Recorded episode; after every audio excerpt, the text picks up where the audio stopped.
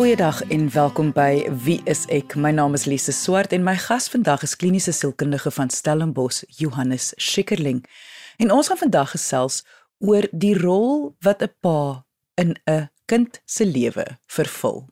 Hierdie is as gevolg van 'n organisasie genaamd Heartlines wat saam met SABC werk om mans meer bewus te maak van die rol wat hulle vervul in 'n kind se lewe. Dit word alles gedoen om toekomstige generasies te leer oor mishandeling, hoe om hulle emosies te hanteer en hoe om 'n pa te wees of 'n pa figuur vir 'n kind. Alle besonderhede oor hierdie instansie en bewusmaking is beskikbaar op RSG se webwerf. Gaan net na rsg.co.za en gaan kyk dan in die video materiaal en webtuiste van Heartlines se Fathers Matter. Maar kom ons luister nou eers na my gesprek met Johannes Schikkerling oor wat is die rol van 'n pa? Johannes, voor ek vir jou vra wat presies is die rol van 'n pa in 'n kind se lewe, wil ek net begin. Dit is onlangs eers wat wat dit geïdentifiseer is, want toe ek byvoorbeeld groot geword het, was dit nog baie normaal geweest. 'n Pa was nie eintlik daar nie. Dis heeltemal reg. Meeste mense in in ons samelewing het ons gevoel dat vir alles kinders klein is, is die ma die heel belangrikste. 'n uh, Ma moet die hele tyd daar wees en pa is eintlik maar net die voorsiener. Hy moet net die geld gee. En dit is amper sy rol. Hy moet die voorsiener wees.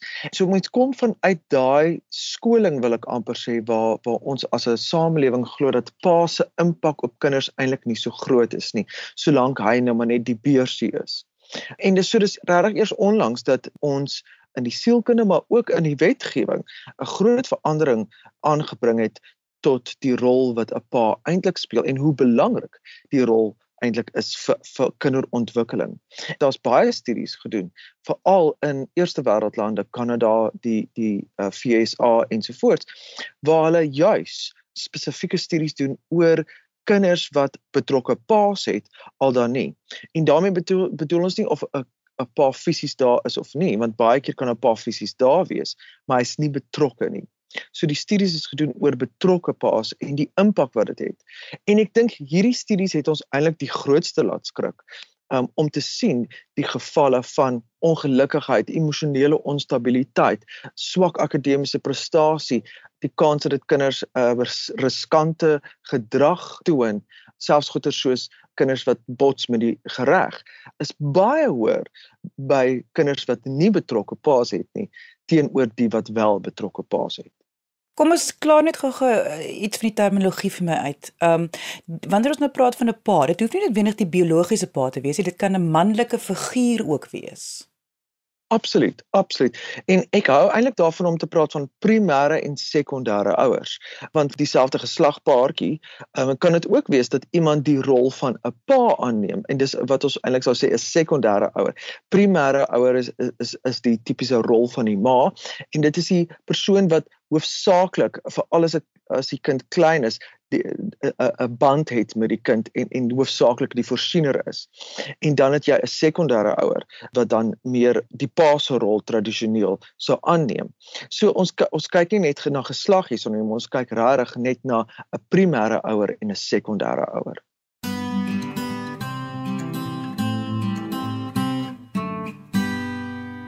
Nou wil ek weet, wat is die rol van 'n pa en wanneer begin hierdie hierdie rol 'n uh, 'n rol speel?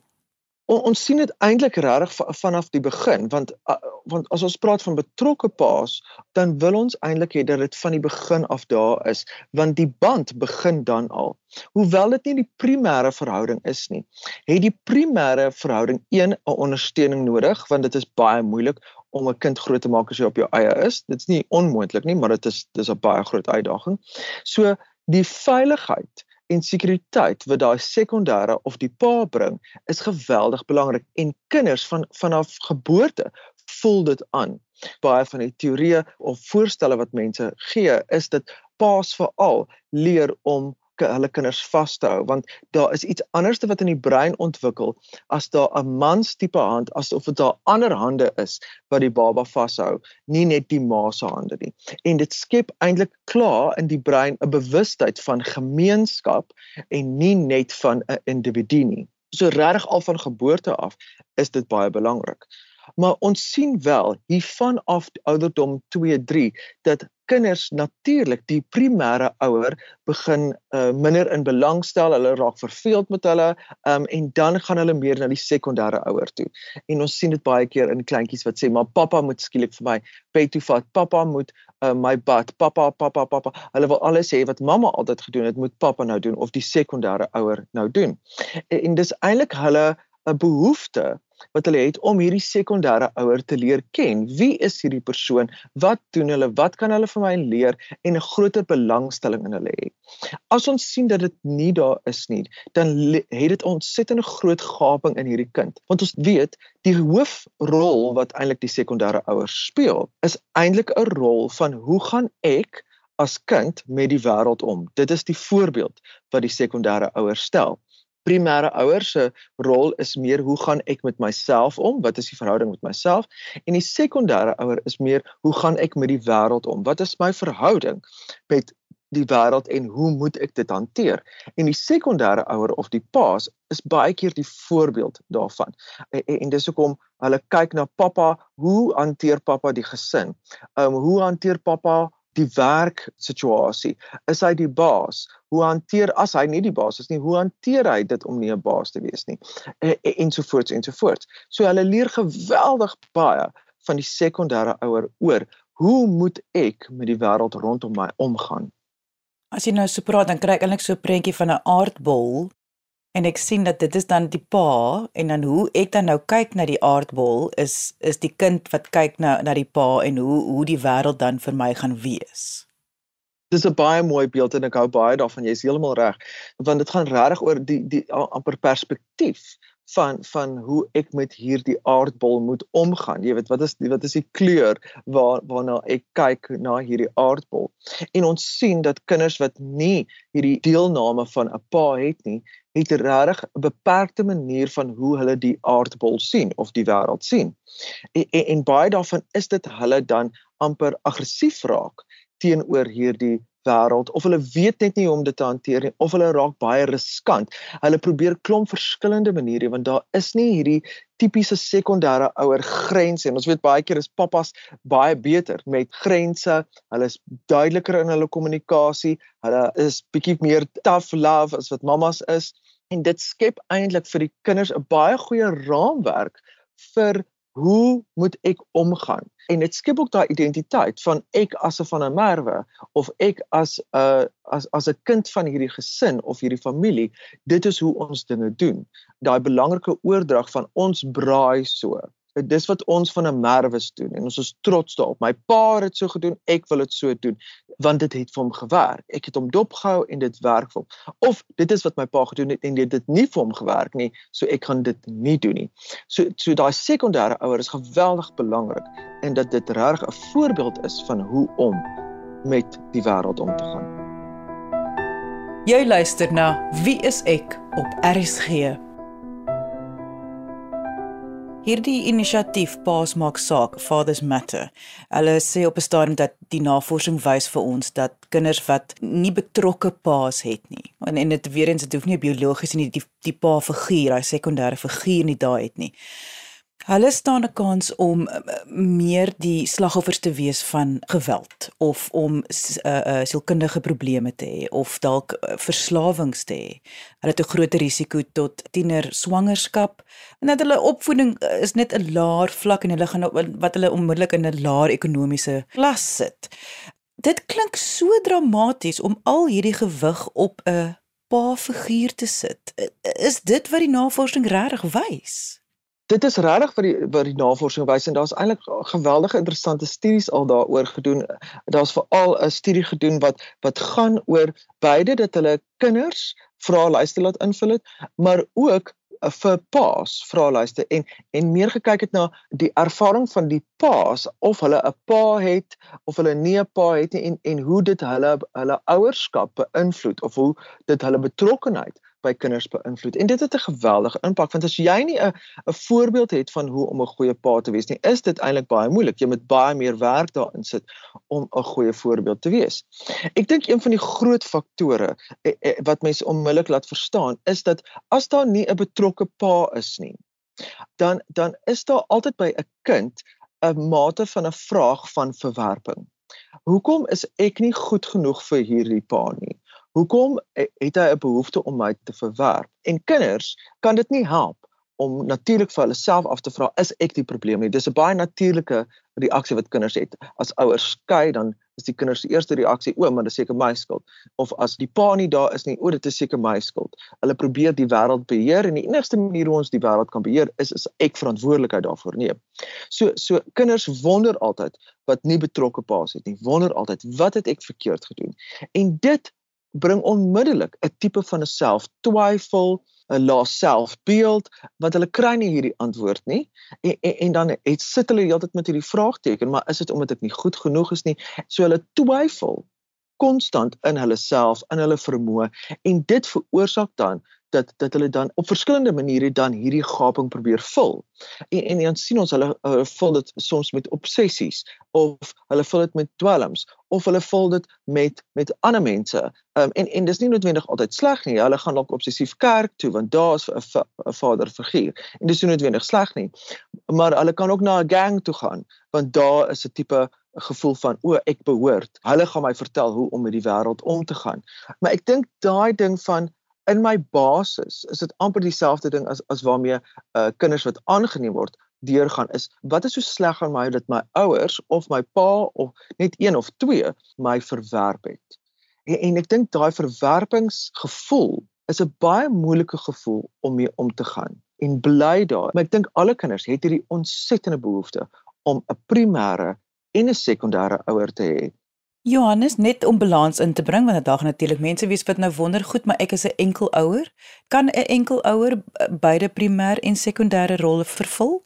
Ja sekerlik dit is wel baie moeilik en ons weet dat enkel ouers onder geweldige druk is om al die behoeftes van die kinders aan te voorsien.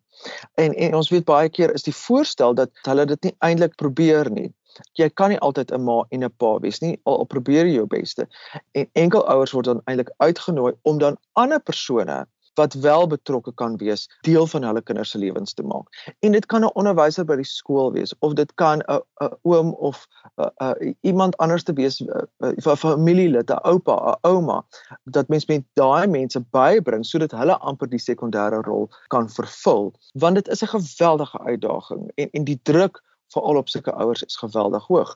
So mense wil eintlik nie nog die druk verhoog om te sê maar jy moet dit doen nie. Mense wil eintlik hulp invra of dit hulle self na terapie toe gaan. Ons weet dat daar baie mense is wat spesifiek mansterapeute vir hulle kinders soek om hierdie rol te vervul. So daar is 'n uh, maniere, mense moet soms kreatief daarmee omgaan, maar daar is maniere om eintlik hierdie sekondêre rol vir 'n kind te kan bied.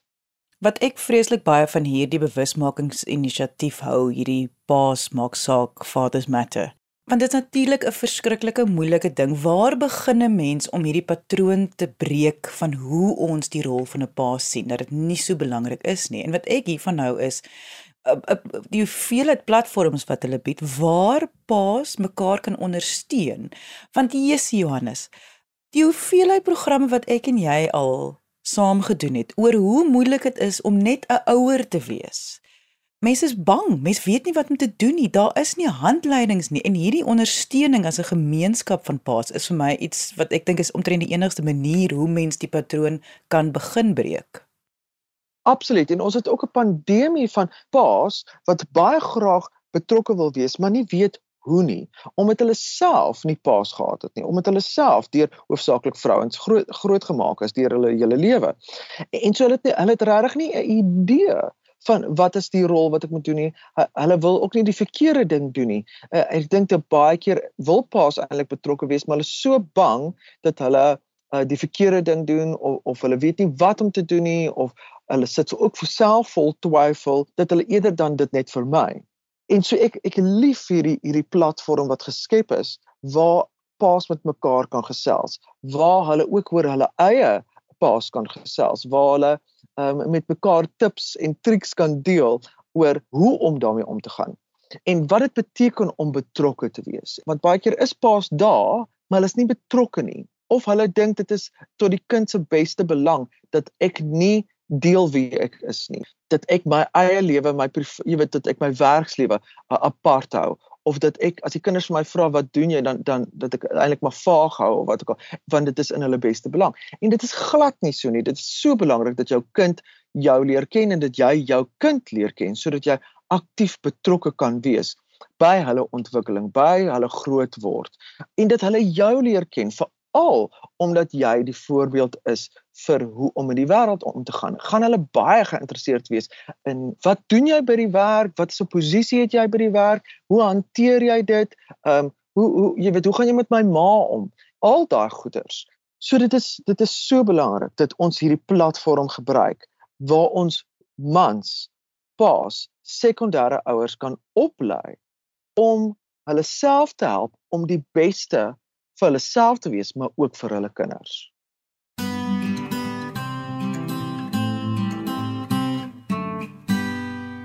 En en daai is vir my so belangrik wat jy sê dat die vrees dat jy moet perfek wees. En ek dink dis natuurlik 'n vrees wat alle ouers het. Alle ouers wil perfek wees vir hulle kinders en hulle wil ook hê hulle kinders moet die perfekte lewens hê. En as hulle dit nie kan volgens hulle dit bied nie, dan raak hulle ek dink hulle raak bang en hulle raak skaam en hulle hulle nou onttrek. En wat vir my 'n groot ding daarvan is is om weer vir ouers of veral vir paas te herinner, die feit dat jy foute het wat jou kind so 'n 'n wonderlike mens gaan maak en jou bewustheid daarvan en jou hantering daarvan. Absoluut die kinders leer meer uit uit foute en hoe om te herstel as wat hulle uit die perfekte ouers uitleer. En ons sien dit ook dat dat ouers wat te beskermend is oor hulle kinders, wat hulle nie blootstel aan die wêreld nie, kry regtig swaar want op een of ander stadium moet hulle alleen met die wêreld omgaan en en dan sukkel hierdie kinders geweldig baie want hulle het nie gee hulle het geen blootstelling aan die gevare van die lewe of hoe om met dinge om te gaan nie. En hulle word geweldig verwerp deur die samelewing. So dit is so ongelooflik belangrik dat ons as ouers, beide primêr en sekondêr, maar veral die sekondêr, vir kinders leer dat die wêreld is nie perfek nie. Die wêreld is soms onregverdig en dan sit ek nou net op my hande nie. Hoe gaan ek daarmee om? Hoe hanteer ek dit? Wat is my bestuur daarvan? Hoe stuur ek dit in die regte rigting? Ons leer oor verhoudings. Hoe hanteer mens verhouding? Hoe hanteer mens konflik? Hoe los mens dit op? Wat is die verskillende maniere? Ja, jy kan aggressief raak of jy kan kwaai raak, maar daar's ook ander maniere om daarna te kyk. Jy kan ook sag word. Jy kan ook die verhouding beskerm. Jy kan ook 'n gunsie vir iemand doen. En dit is so belangrik dat kinders nie net die perfekte manier leer nie, maar dat hulle daai kreatiwiteit leer van hier is 'n reeks opsies. So dis hoekom dit so belangrik is dat kinders nie net 'n perfekte uh opvoeding of opleiding kry nie. Die primêre rol wat ons nou ken as die tradisionele ma-figuur, wat kan sy doen om wel ook hierdie verhouding te ondersteun? Dit is 'n baie goeie vraag want ons sien soms dat dat die primêre ouer blokkeer baie keer die sekondêre ouer of hulle wil hê dat die sekondêre ouer presies soos hulle die kind moet grootmaak. Daar's nie spasie eintlik vir iets anders te nie. So ons wil eintlik die primêre ouer uitnooi om toegang te gee tot die kind. Gee toegang dat die pa die kind grootmaak soos wat hulle wil. Dat dit dat jou manier is nie die enigste manier nie. En en, en hoewel jy ontsettend beskermend is teenoor hierdie kind om ook daai vertroue te gee aan die kind dat jy gaan ook oukei wees as jy by ander mense is. En veral as jy by die persoon is wat ek die meeste in die wêreld vertrou, dan gaan jy oukei wees. Maar as die primêre ouer dit die hele tyd blokkeer, dan verstaan die kind dit een nie en, en dan ervaar hulle die wêreld as eintlik 'n geweldige gevaarlike plek want as my primêre ouer niemand vertrou nie, hoe kan ek die wêreld vertrou? So dit is so belangrik dat toegang gegee word tot sekondêre ouers, dat 'n ander manier van doen toegelaat word, dat foute gemaak kan word, dat dat jy eintlik wegstap en toelaat dat hulle kan lekker rof stoei daar en as die kind aan die huil gaan dan moet pappa hom troos. Dis nie jou plek om dan in te spring om te sê maar dit moes nie gebeur het nie. Ek het jou lankal gesê jy is stoei te rof. Nee, die pa moet die oplossing bied daar. Hy moet die troos kan kan, kan skep. Jy luister na Wie is ek op RSG. Wat ek hoor is Johannes is die rol van 'n pa is vir my so half opsommend gaan die uh, selfvertroue in 'n kind laat blom. Absoluut. Dit gaan oor selfvertroue. Dit gaan oor hoe gaan ek met die wêreld omgaan? Dit gaan oor bemagtiging. Ons weet selfs dat dat ehm um, dogters wat groot word met paas is baie meer, baie beter vaardighede om hulle self te beskerm teen mans. Hulle het baie beter vaardighede om om die regte man vir hulle te kies. Hulle is nie so bang vir mans nie of ek wil amper sê hulle is nie so desperaat om aanvaar te word deur mans nie. So hulle kan eintlik hulle man staan as ek daai uitdrukking kan ge gebruik. So ons sien dat dit 'n geweldige impak het en, en dat die selfvertroue wie hulle is, hoe hulle ontwikkel en hoe hulle met die wêreld omgaan. Mense kan amper sê hoe enorm die impak daarvan is nie.